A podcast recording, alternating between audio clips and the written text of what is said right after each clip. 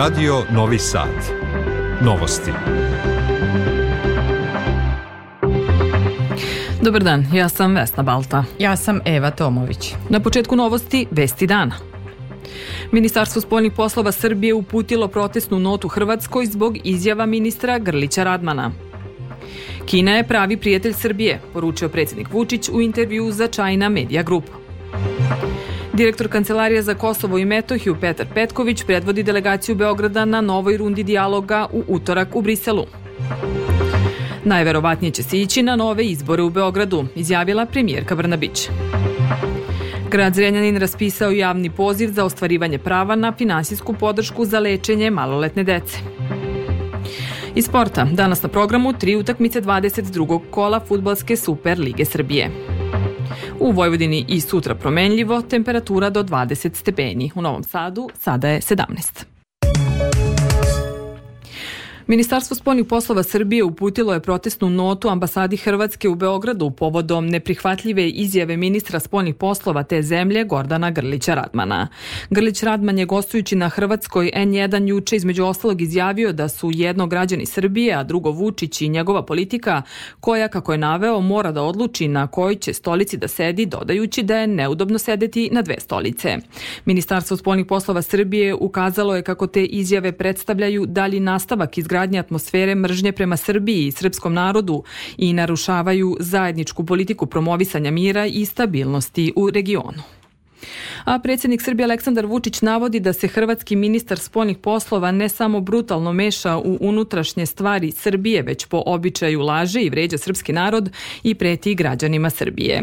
Hrvatski ministar izjavio je da se Vučić mora odlučiti na kojoj će stolici sedeti, aludirajući na njegove pokušaje da zadrži dobre odnose i sa Rusijom i sa Evropskom unijom.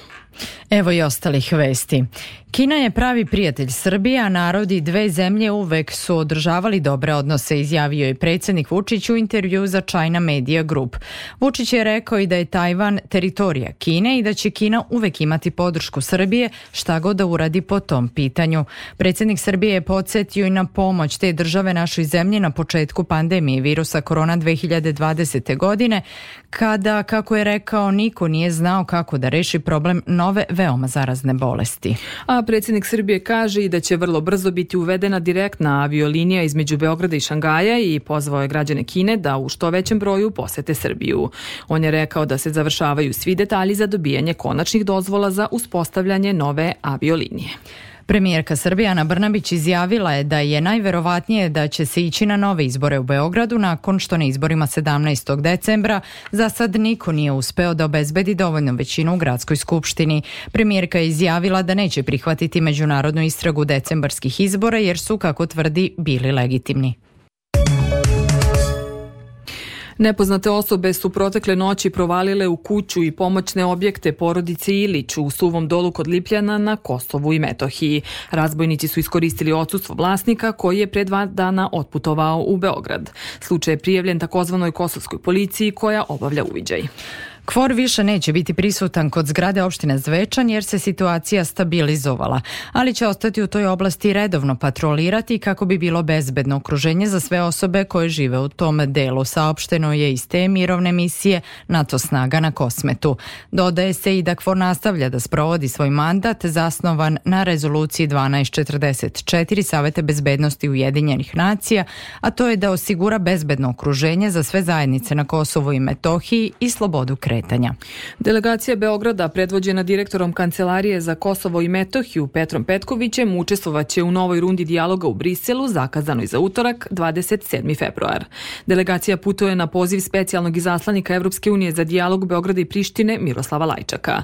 Mediji su ranije preneli da je Lajčak pozvao Beograd i Prištinu kako bi u okviru dijaloga razgovarali o jednostranoj uredbi o ukidanju dinarskog platnog prometa na Kosmetu, a koju je donela takozvana Centralna banka Kosova.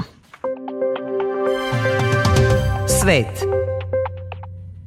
Posrednici su napravili korak napred ka postizanju dogovora o prekidu vatre između Izraela i palestinskog Hamasa, kao i o oslobađanju zatočenih talaca u pojesu Gaze i palestinskih zatvorenika u izraelskim zatvorima, javljaju izraelski mediji. Izraelski ratni kabinet održao je sinoć telefonsku sednicu kako bi razgovarao o predlogu sporazuma sačinjenog u Parizu, gde je učestvovao Izrael sa posrednicima iz SAD-a, Egipta i Katara. Hamas je istakao da je još nije uključen u najnoviji predlog, ali se izveštaji medija poklapaju sa ranijim zahtevima militantne grupe za prvu fazu primirja. Sukob između Ukrajine i Rusije ušao je u treću godinu. Ukrajinske snage saopštile su da su uništile 16 od 18 dronova koje je Rusija sinoć lansirala. Glavno komandujući oruženih snaga Ukrajine Aleksandar Sirski izjavio je da je situacija složena na mnogim pravcima na frontu i da zahteva stalno praćenje. Ministarstvo odbrane Rusije saopštilo je da su se ruske snage ponovno pomerile na povoljnije pozicije kod Avdejevke i odbile sedam neprijateljskih kontranapada. U Belorusiji se održavaju parlamentarni i lokalni izbori. Većina kandidata su članovi četiri zvanično registrovane partije koje podržavaju politiku predsednika Aleksandra Lukašenka, dok desetak partija nije moglo da se registruje prošle godine. Lider beloruske opozicije Svetlana Tihanovska, koja je prebegla u susednu Litvaniju nakon što je osporila pobedu Lukašenku 2020. godine, apelovala je na glasače da bojkotuju izbore. Još jedna vest iz sveta. Bivši američki predsednik Donald Donald Trump ubedljivo je na republikanskim predizborima u Južnoj Karolini pobedio jedinu rivalku za stranačkog kandidata na predsjedničkim izborima, Nikki Haley. Na osnovu 60% prebrojanih glasova Trump je osvojio 60,7% glasova, a Haley 38,7%. Od 50 delegata koliko daje Južna Karolina, Trump za sada ima 38, a Haley nijednog. Glasovi treba da se prebroje u još četiri distrikta i za pobedu u svakom od njih biće dodeljena još tri delegata. U nastavku novosti ponovo domaće teme. Potvrđen je još jedan slučaj malih boginja u našoj zemlji. Obolelo je jednogodišnje dete koje je nevakcinisano i koje je bilo u Rumuniji. Tako je broj obolelih povećan na 17, od čega ih je u Beogradu 14, a troje obolelih je u Vojvodini. Poštrene su mere epidemiološkog nadzora. Zamenik direktora Instituta za majku i dete Vladislav Vukomanović roditeljima savetuje da se pridržavaju saveta svojih pedijatara iz domova zdravlja kao i da se pridržavaju kalendara vakcinacije da vakcinišu svoju decu redovno, da svakako pribegavaju onim opštim merama ne širenja zaraznih bolesti, pranje ruku, izbegavanje velike gustine e, smeštaja i tako dalje. To je ono osnovno što će u izvesnoj meri sprečiti širenje ovih e, infekcija. Grad Zrenjanin raspisao je javni poziv za ostvarivanje prava na finansijsku podršku za lečenje dece. Pravo na pomoć imaju deca čiji roditelji i staratelji žive u tom banatskom gradu. Detalje donosi Jelena Milićević. Već nekoliko godina za redom grad Zrenjanin pruža podršku za lečenje dece. Prethodna iskustva su pokazala da ima potrebe za ovom vrstom pomoći, te i broj prijava raste na ovom javnom pozivu iz godine u godinu, kaže Jelena Dragić, načelnik Odeljenja društvenih delatnosti grada Zrenjanina. Znači, potrebno je minimalno godinu dana prebivališta na teritoriji grada Zrenjanina roditelja, odnosno staratelja i hranitelja i naravno da oni podnesu zahtev jedino kod hranitelja roditeljstva se razlikuje što se tu e, traži prethodna saglasnost Centra za socijalni rad koji je staratelj takvoj deci koje su u hraniteljstvu i naravno znači podnosi se zahtev u zatvorenoj koverti sa medicinskom dokumentacijom. Pravo na podršku u lečenju imaju sva deca od momenta rođenja sve do 18. godine života, a mogu se prijaviti za više segmenata pomoći prilikom lečenja. Neophodno dalje je da svi ti postupci lečenja lečenja, lekova, diagnostike, operativnih zahvata nisu uopšte ili nisu u jednom delu pokriveni iz sredstava Republičkog fonda zdravstvenog osiguranja. Ono što je bitno naglasiti u okviru ovog ove, ovaj, javnog poziva je da mogu da se podnesu zahtevi, ali samo za one medicinske postupke, one lekove, ortopedska sredstva i sve koje su prihvaćene medicinski. Maksimalan iznos za ovu vrstu pomoći iznos iznosi 150.000 dinara. U naučnom klubu Novi Sad danas će se prvi put okupiti učesnici ovogodišnjeg konkursa za izradu malih naučnih radova. Više od 70 učenica i učenika osnovnih škola upoznaće mentore sa kojima će narednih meseci istraživati i pisati svoj prvi naučni rad. Organizator je Udruženje naučnica Srbije Srna uz podršku Centra za promociju nauke. Više saznajemo od Mirjane Damjanović-Vučković. Cilj izrade malih naučnih radova je popularizacija nauke među decom, kao i isticanje nauke kao važne počevo od osnovnoškolskog uzrasta, kaže za naš radio predsednica Udruženja naučnica Srbije Srna, profesor doktor Sanja Podunavac Kuzmanović. Ove godine se proširio krug interesovanja za izradu malih naučnih radova, tako da imamo decu iz osnovnih škola iz različitih krajeva Srbije. Imamo iz Batajnice, Sombora, naravno Novog Sada, Kikinde, Rume, ali i čak iz Sjenice, kao iz Mačkata na domak Zlatibora, tako da zaista smo izuzetno zadovoljni što vidimo da je interesovanje za ovu priču, pre svega interesovanje kod dece da se uključe u male naučne avanture velika. Na prvom okupljanju nazvanom Čajevi i žene Zmajevi – Od profesorke Mirjane Ćuk sa Prirodno-matematičkog fakulteta u Novom Sadu učit će o lekovitim biljkama, a narednih meseci zajedno sa mentorima, naučnicima koje će danas upoznati, pisat će o jednoj od dve teme, preko cveta do sveta i rodnost i ravnopravnost. Predstavljanje najboljih biće kao i prethodne dve godine, 11. oktobra na Svetski dan devojčica. Naredna priča u novostima stiže nam iz Kikin, Kikinde gde u osnovnoj školi Sveti Sava traju radovi na kompletnoj potpunoj sanaciji toaleta, zameni sanitarija, pločica, vrata i prozora. Novac za radove obezbedili su Pokrajinski sekretarijat za obrazovanje i grad Kikinda. Samo u protekloj godini Pokrajinska vlada je za obrazovne ustanove na teritoriji Kikinde izdvojila više od 200 miliona dinara. Više o tome Tatjana Popović.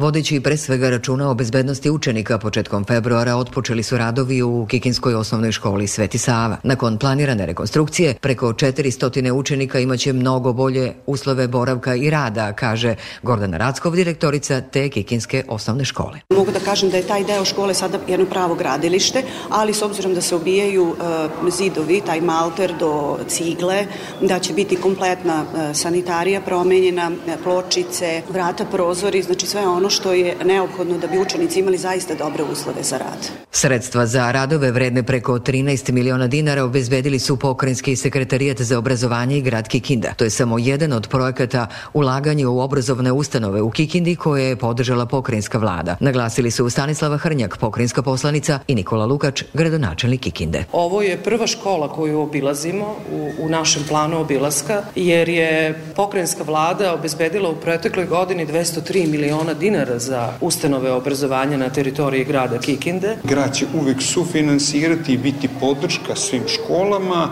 i u narednom periodu naravno da ćemo aplicirati sa novim projektima da nastavimo uređenje, sređivanje i rekonstrukcije kako škola, tako i svih obrazovnih institucija. Pored podrške pokrinjskih i republičkih nivoa vlasti, lokalna samouprava za potrebe kikinskih obrazovnih ustanova godišnje izdvaja između 200 i 300 miliona dinara. Planirana su i nova ulaganja raspolaganje kako bi uslovi rada u svim obrazovnim institucijama bili što bolji. Izgradnja teatarskog dela narednog pozorišta u Subotici trebalo bi da bude završena u naredna dva meseca. Kako je za RTV najavio gradonačelnik Subotice Stevan Bakić, aktualni radovi po ugovoru trebalo bi da budu okončani 22. aprila. Nakon toga će preostati završetak izgradnje koncertne dvorane. Detalje donosi Boris Šuman. Ponovo skele oko najveće investicije u kulturi u Srbiji. Skele su od početka prošle godine i u unutrašnjosti zgrade. U zgradi se postavljaju kamene podne i zidne obloge, parket i čelične platforme, kao i krečenje koje se izvodi i na spoljašnjosti objekta, usređivanje i čišćenje oluka, otklanjanje nedostataka na fasadi, njeno pod znacima navoda umivanje i postavljanje spoljašnje rasvete. O radovima govori gradonačelnik Subotice Stevan Bakić. Moram da istaknem da je umeđu vremenu, a to je karakteristika za ovakvu vrstu vrstu projekata koja se radi dugi niz godina i u fazama došlo do određenih dodatnih radova, a to je da bismo sve završne celine objedinili u jednu, što se kaže, funkcionalnu celinu, stručno rečeno. Morali smo, jer smo ishodovali građevinsku dozvolu na osnovu projektno-tehničke dokumentacije starim zakonom o planiranju i izgradnji i da bismo obezbedili sve uslovi iz protipožarne zaštite i dobili saglasnost od MUPA, morali smo da rešimo te dodatne radove. Svi ovi radovi trebalo bi da budu završeni u naredna dva meseca. Ugovorom je predviđeno da završetak radova sem koncertne dvorane bude 22. aprila ove godine. Nadam se da ćemo sve ispoštovati. Kažem kako teku radovi i predviđenom dinamikom očekujem da će ugovorene obavljati obaveze o završetku radova biti ispunjene. Ukoliko se ove najave obistine, trupe Narodnog pozorišta će se useliti u novu zgradu teatra, van koje su bili i duže od skoro dve decenije, koliko traje njegova izgradnja. U duhu izvornog stvaralaštva i negovanja tradicije i običaja u Čonoplji je 40, 45. put organizovano Kordunaško prelo u organizaciji Kulturno-umetničkog društva Vuk Karadžić u tom selu, gde su se okupile sve generacije na kojima srpski običaj ostaju da se neguju i čuvaju. Priču donosi Vesna Milanović-Simičić.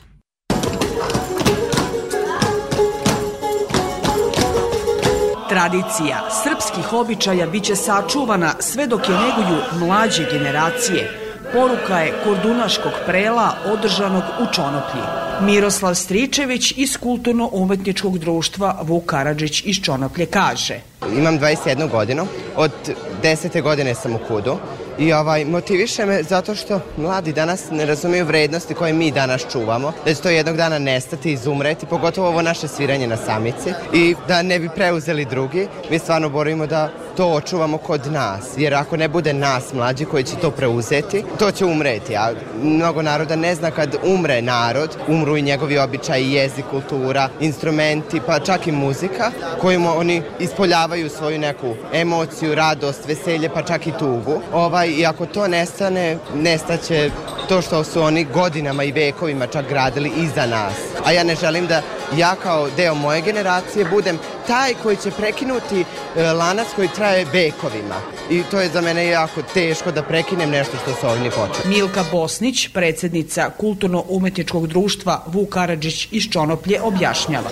Cilj je bio da se prvo okupimo i podsjetimo na one tradicije koje su naši stari negovali, a onda su naša deca to prihvatila i mi to sad tako dalje nastavljamo. Negujemo Kordunašku samicu koja je zaštićena kao nematerijalno blago, do toga nam je jako stalo. Običaji opstaju kroz vreme i u najtežim vremenima, samo ako se prenose sa kolena na koleno da se ne zaborave, a tome doprinose prela poput 45. Kordunaškog održanog u Čonoklju. Sport. Danas su na programu tri utakmice 22. kola Superlige Srbije u futbalu. U toku je susret između Javora i Radničkog iz Kragujevca. Radnički vodi sa 3-0. Od 16 časova i 30 minuta napredak će ugostiti Novi Pazar, a od 18 časova i 30 minuta uslediće vojvođanski derbi između futbalera Novosadske Vojvodine i Subotičkog Spartaka. U Obrenovcu će biti odigrani finalni mečevi Kupa Srbije za odbojkaše i odbojkašice. U muškom finalu od 16 15 časova i 30 minuta sastaće se Novosadska Vojvodina, Mladi radnik, a u ženskom finalu od 19 časova jedinstvo i stare pazove i domaći tent.